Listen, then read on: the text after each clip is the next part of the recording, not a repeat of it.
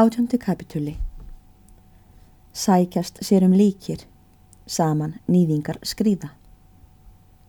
Nú skal aftur taka upphaf á máli því er fyrir skömmu er frá horfið. Þar sem þeir eigill og hallvarður lágu í faðmlögum á grætni grundu hjá götunni og fundum þeirra hafi fyrst saman borið. En hlýðar fólk reið frá þeim til kirkju að stað. Þegar snaraðist af hesti Egils og hann steiftist úr söðlinum í fang Hallvarði, þá var Hallvarður ekki svo fastur á fótum að hann geti tekið fallið af agli. Heldur fjall hann öfugur út af götubakkanum og stungust þeir báðir kollanhís út á jafnsléttuna. Var það Hallvarður undir og slefti þá tökum á agli og hraut Egil langa leið fram af honum.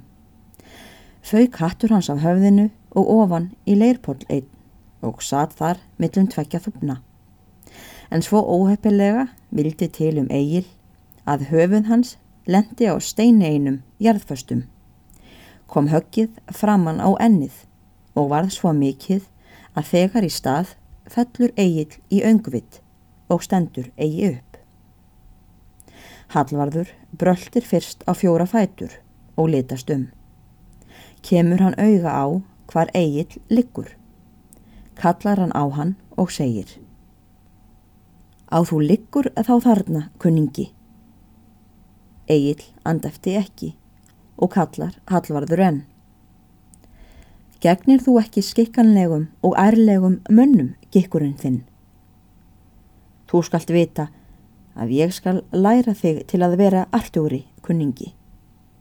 Í þessu stekkur hann á fætur, hart og títt og þangað sem eigill liggur og rekur fótinn í síðuna á honum og reyfist eigill ekki að heldur. Verður honum þá litið framann í eigill og sér að hann er náfölur. Hallar hann sér þá að honum og kallar. Ertu stein döður lagsi? Ekki svaraði eigill enn. Sér nú hallvarður þó hann drukkin væri, að þetta munu ekki allt vera með feldu. Hugsar hann sig þá um nokkra hríð, en síðan seilist hann út á handlegssér og tekur upp flösku sína, sípur fyrst á henni og skvettir síðan framann í eigil, vænum skvett, og segir Kanski þú lipnir við ef þú færð eitt snás, kunningi. En þegar kallt brennivínið kemur í andlit agli, fer ómegið brátt að síga af honum. Heyris nú fyrst að korrar nokkuð í honum og litlu síðar líkur hann upp augunum og sest upp. Er hann þá enn máttfarin mjög og eftir sig. Egil hafði við höggið og ómegið fengið svo mikla ráðningu að honum var runnin öll reyði. Sá hann og að þó svo illa hefði til tekist var það þó ekki í rauninni ásetningur Hallvarðs að vera skadamadur hans. Enda let Hallvarður það í ljósi að honum þætti illa hafa tiltekist og gat þess að það hefði ekki verið ætlum sín að kásast upp á hann. Því ég kásast upp á einskis manns júsu lagsi, segir hann.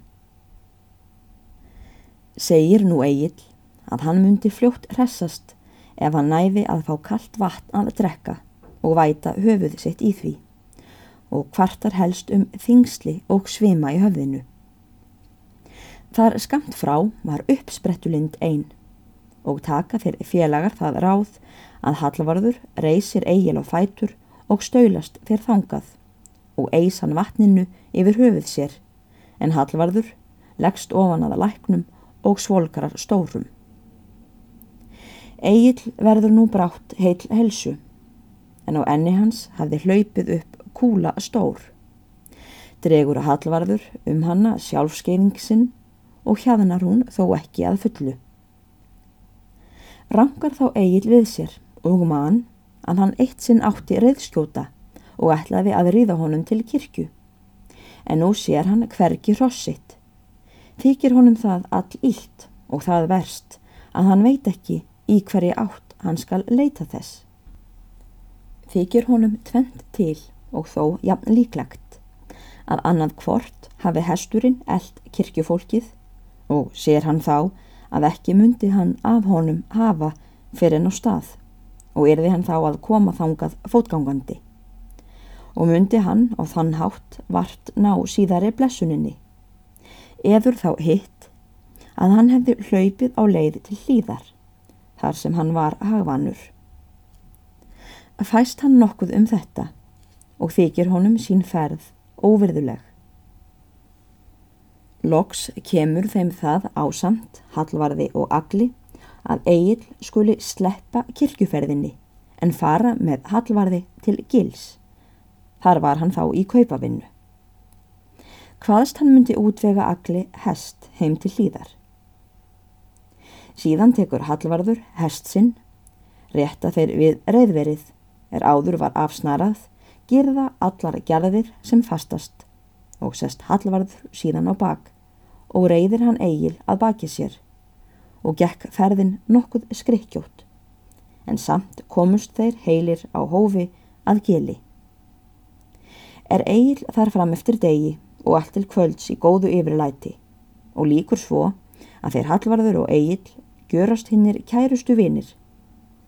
Segir hvor öðrum trúnaðarmál sín og setjast þeir nú út í túnið og drekka þar saman. Átti Hallvarður brennivinskút einn í kofforti sínu. Mundi kúturinn taka tvo eður þrjá potta og skvampaði enn nokkuð á honum. Var kúturinn borin út í tún og settust þeir félagar þar að honum, sinn á kvora þúfu og hafðu náungan á millum sín og dreiftu á sig til skipta og kölluðu hvor annan félaga og bróður. Sagði Hallvarður fyrst frá ferðum sínum og hafði hann víða farið og verið með mörgum höfðingum og allstafar þótt henni mesti afreiksmaður. Nú sem stæði hvaðst hann hafa forþjónustu við þær nýju innrettingar í Reykjavík við reipslagarafabrikuna og að virðingum og öllu allæti gengi hann næst yfirmanninum er á hverjum morni byði sér gúmórin og segði ætíð dí til sín um leið. Nú í sumar stæði fabrikan þangað til í september vegna skorts á hampi og hefði hann því tekið þetta ráð að fara upp til sveitar um sláttin og púla ég hér upp á kúkaras, segir hann. Þessu næst skildi Egil segja æfisögu sína var hinn fyrir hluti hennar fljótsagður því maðurinn var ungur og hafði ekki staðið í mörgum stórræðum. Hiði merkilegasta sem fyrir hann hafði komið var bónorðið við Sigrúnu. Tjáir hann hallvarði allt hið sannasta að því máli og svo í hvert óefni var komið að stúlkan vilji ekki þýðast hann og fóstra hennar Þórdís muni vera því mest mótstæðileg að það ráð takist. Hallvarður líti vel sögu eigils, en er eigil þagnaði, tekur hann kútin og réttir að agli og segir Súftu á, blessaður kunningin. Egil tekur við, sípur á og fær Hallvarði aftur. Þurkar sér með hendinni um munnin, kissir hann og segir Guðs ást, elsku vinn. Það er ekki að þakka það, kunningi. Þetta skal vera eins og við eigum það báðir, segir Hallvarður og setur kútin á þúfuna hjá sér. Já, heil slett er það fyrir þig, bróðir, og linur þykir mér þó hafa verið í sóknum, kunningi. Eða hvað lengi hefur þú verið á bæ saman við hanna? Það munum vera átta eða nýju vikur, sagði Egil, síðan ég kom þangað. Já, nýju vikur, sagði Hallvarður og hristu höfuðið. Og ert jafn nær. Það segi ég þér satt, að ekki skildi ég hafa verið svo vikuna saman við hanna, að ég hefði ekki komið henni til við mig. Hefði ég annars lagt vind upp á hanna, því svo er það stundum, þar sem ég kem á bæ og er blá nóttina. Þá elda þar mig um morgunin, ein eða tvær út fyrir tún til að spyrja mig nær ég komi aftur. Eða hvað hefur þú næst henni komist? Tókstu nokkur tíma í höndina á henni? Það hef ég gjört, sagði Egil, en það kom nú til lítils. Þá hefur þú ekki vitað hvað þjenaði kunningi og settistu þá aldrei á rúmið hennar. Oft og mörgum sinnum, sagði Egil, en til hvers var það? Hefur þau kunnað að bera þig rétt til, bróðir? Ég held ég hefði lætt einhverju undir sængurhornið hennar, sagði Hallvarður. Þú kannt þá eitthvað fyrir þér, sagði Egil. Og ekki er ég göldróttur, en ég veit svona það sem þjánar við ímsu, sagði Hallvarður og kingaði. En súftu nú álagsi, og er það ekki mér að þakka eiginlega, en ég átti kunningja einu sinni. Ég kynntist við hann á innrettingunni Hann var af ströndum eða úr arnarfyrði eða einhver staðar þaðan vestanað. Og það var góður galdinamadur, ha? Hvað heldur þú? Hann fadir hans kunni frá sér.